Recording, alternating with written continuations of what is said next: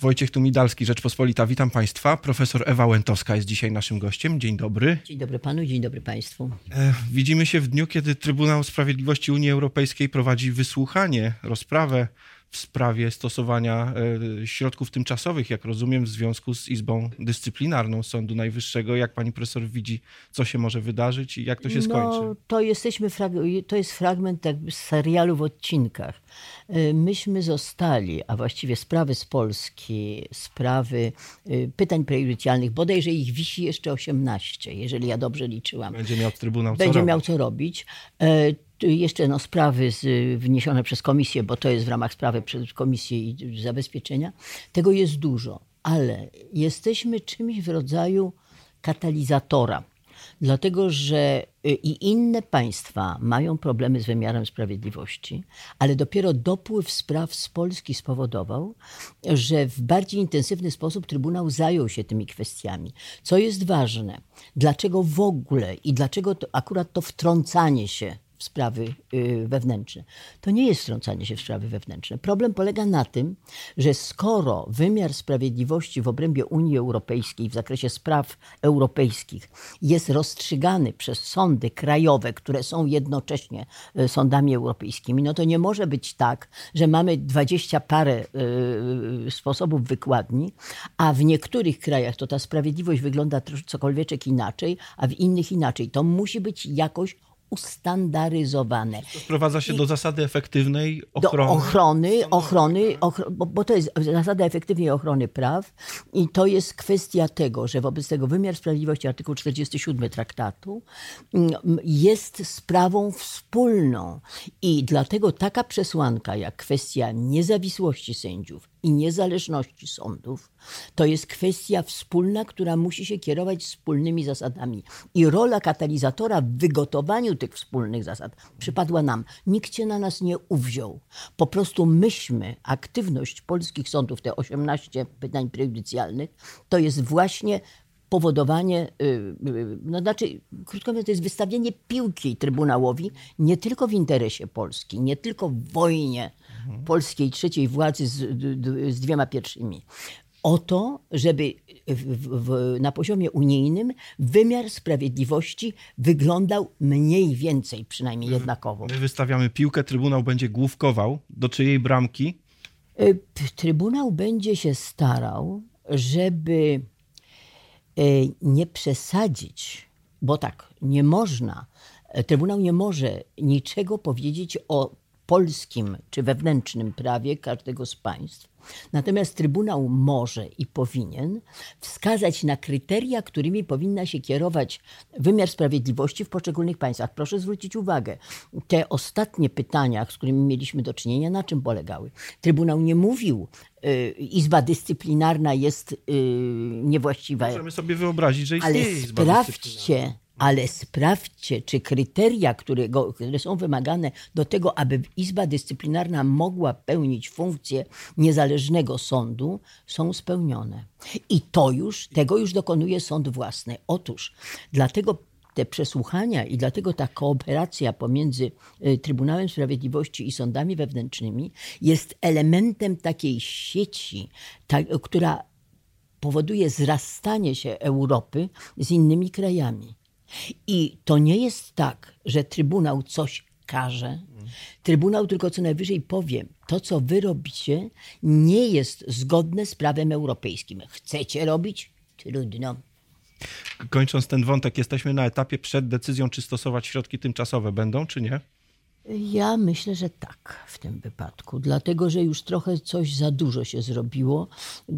Problem leży w tym, że gdy idzie o sprawy niezależności sądów i niezawisłości sędziów, za dużo się stwarza faktów dokonanych poprzez działanie KRS-u i działanie Izby Dyscyplinarnej, żeby można było sobie teraz spokojnie odłożyć sprawę i czekać, co będzie dalej, dlatego że ta machina mm, niezgodna z zasadami y, europejskimi produkuje coraz nowe konsekwencje. Już dłużej czekać nie można, prawdopodobnie. Tak, ale jeżeli się tak stanie, że powie, no to, to trudno, no. Widzimy się dzisiaj również e, z innej przyczyny, mianowicie chcielibyśmy poruszyć temat e, forum konsumenckiego działającego przy Rzeczniku Praw Obywatelskich, e, pani współprzewodniczy temu ciału, które bardzo mocno włączyło się w, w, w, w obronę konsumentów przed nadmierną ingerencją w ich wolności, gdy chodzi o postępowania nie tylko, sądowe nie tylko związane na przykład z frankowymi sprawami, nie, ale nie tylko. Tak? Ja chcę zacytować akurat słowa przewodniczącej tego, tego forum, e, pani doktor Wiewiórowskiej, e, która bardzo trafnie powiedziała to, co się scharakteryzowała tak bardzo krótko, ładnie, e, to, co się w Polsce stało. Otóż przyłączenie się do, wejście do Unii Europejskiej, jeżeli chodzi o sprawy konsumenckie, spowodowało jedno, że sądy musiały stosować zasady, których w pełni nie rozumiały i przy pomocy środków, których stosować też jeszcze nie umiały. Wchodziliśmy 15 lat temu, już umieją? E, mniej niż należałoby oczekiwać, ale może właśnie dlatego, że mamy za dużo różnych spraw instytucjonalnych, to nie ma czasu na to, żeby normalnie pracować z ludźmi nad wdrożeniem zasad tych właśnie zrozumienia tych zasad, o które chodzi. Otóż o co idzie? Polskie sądy e, są, są wychowane w systemie mm, e, takim, e, takiej piramidy i dosyć formalistycznie nastawione. Sądy europejskie, CUE, przede wszystkim powiada efektywna ochrona prawna. Jeżeli zacznijmy od razu, wskoczmy w samą środek dyskusji. Jeżeli polskie postępowanie nakazowe to jest jedno z postępowań uproszczonych, które bardzo ułatwia życie wierzycielom, ułatwia, uwaga, życie sądom, bo one mają po prostu z tym postępowaniem mniej roboty, tak, ale ono, jak się okazuje po sprawdzeniu w kilku pytaniach prejudycjalnych, też pochodzących z Polski, tylko że akurat dotyczących spraw konsumenckich, okazuje się, że to postępowanie mm, nakazowe nie spełnia warunków postępowania zabezpieczającego w realny sposób interesy konsumentów. I cześć i chwała tym polskim sądom, które akurat te pytania prejudycjalne skierowały. Ja, w tej chwili było cztery były takie znamienne pytania. Ja tutaj sobie rozłożyłam papiery. To są właśnie opracowane zresztą poprzez forum konsumenckim u Rzecznika Praw Obywatelskich takie bardzo szczegółowe wyjaśnienia dotyczące tych poszczególnych spraw. Ja może wymienię i powiem o co bardzo w nich chodzi, bo to jest jedna sprawa dotycząca, dotycząca Profi Credit, to jest z 19 roku, obowiązek kontroli przez Sąd Krajowy z Urzędu postanowień umowy konsumenckiej i wykonania obowiązków informacyjnych. Proszę zwrócić uwagę, w postępowaniu tym nakazowym właściwie na to nie ma miejsca, a okazuje się, że sąd ma obowiązek z urzędu. I w związku z tym możliwości dopuszczenia przez Sąd Krajowy z Urzędu dowodów w postępowaniu nakazowym i zaocznym. Okazuje się, że nasze postępowanie nakazowe nie odpowiada kryterium, proszę zwrócić uwagę, nie tylko nas się czepiają, że sądy są niezawisłe, że sądy są niezależne, przepraszam bardzo. Natomiast czepiają się nas, że sądy stosują przepisy, które nie trzymają standardu ochrony. Co w takim razie należy robić? Więc tutaj jest, ja nie, proszę nie traktować naszej audycji jako czegoś w rodzaju poradniczka, bo w taki sposób niedaleko zajdziemy. Ja chcę raczej co innego powiedzieć.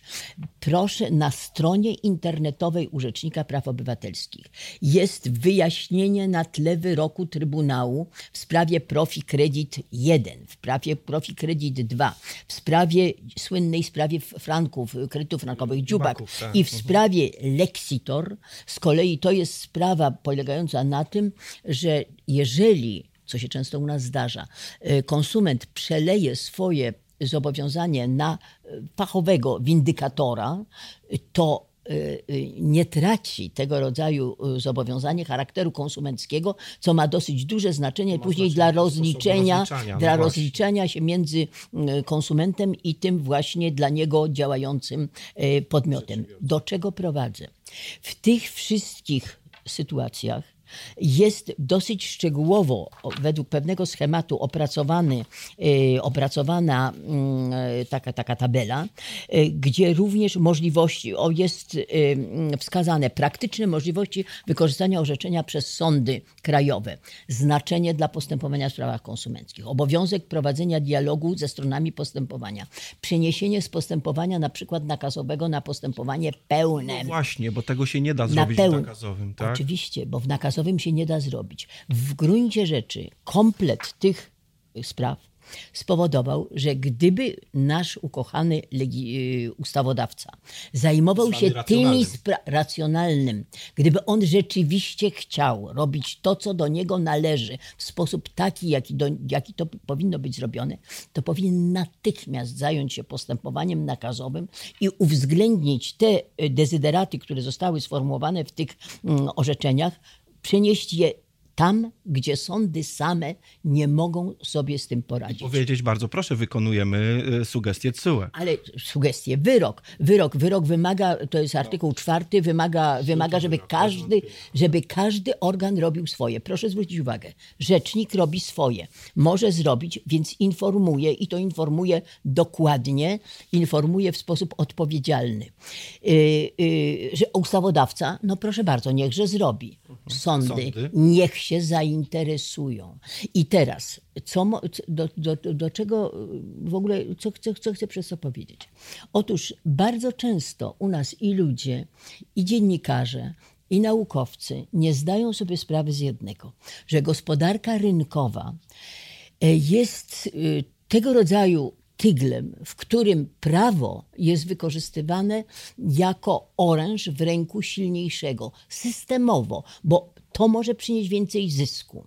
W związku z tym, nawet już w tej chwili, po wyroku TSUE, TSUE po tych wyrokach, o których mówię, my mamy do czynienia z bardzo silnym lobbyingiem Właśnie o to chciałem zapytać. bardzo silnym lobbyingiem sfer bankowych.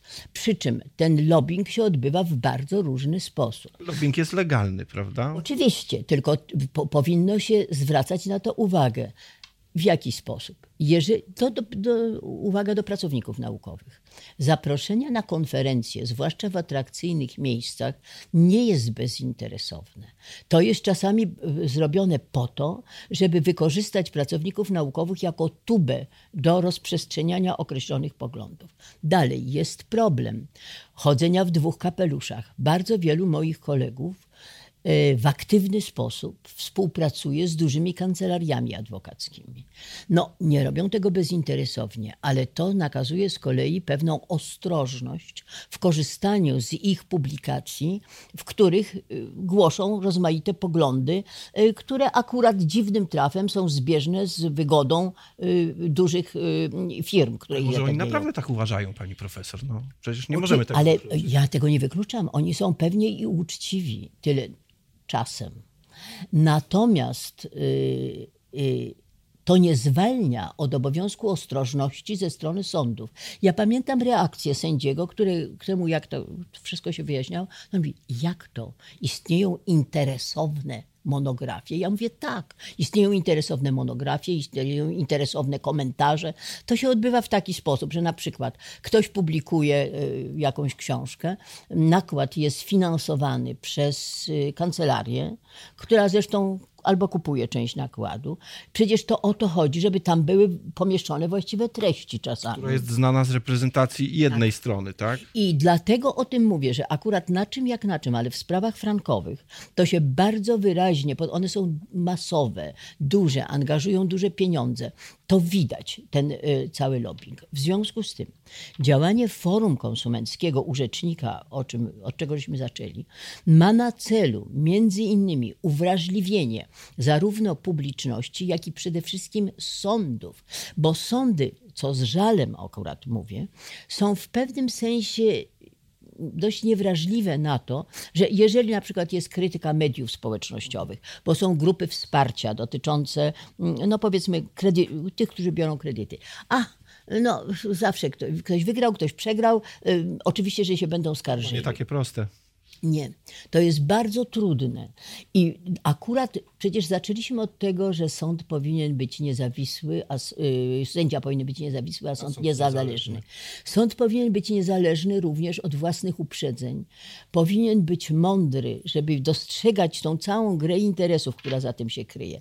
I te informacje, do których ja naprawdę bardzo zachęcam, bo one na przykład wskazują na to, że. Yy, yy, że na przykład nie można, co sądy bardzo u nas lubią robić, uzupełniać, sądy kontrolują klauzulę y, abuzywną, wyrzucają ją i chcą koniecznie na to miejsce wprowadzić coś jakiś, innego. coś innego.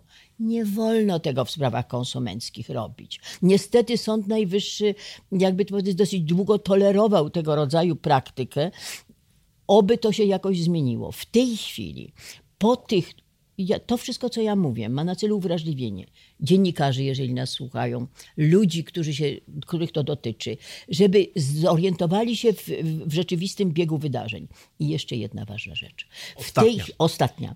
W tej chwili otwiera się pewna możliwość dotycząca po tych wyrokach, o których wspomniałam, możliwość, uwaga, ingerencji w toczące się postępowania dalej możliwość w perspektywie wznowień postępowania. Tylko to jest oddzielny temat na oddzielne opowiadanie i w związku z tym właściwie kończę apelem. Więcej czujności, więcej uwagi, więcej świadomości, że za tym się kryje ogromna gra interesów. Czy Wysoki Sąd nas słyszał? Mam nadzieję, że tak. E, profesor Ewa Łętowska była dzisiaj naszym gościem. Wojciech Tumidalski, dziękuję za spotkanie. Dziękuję Państwu.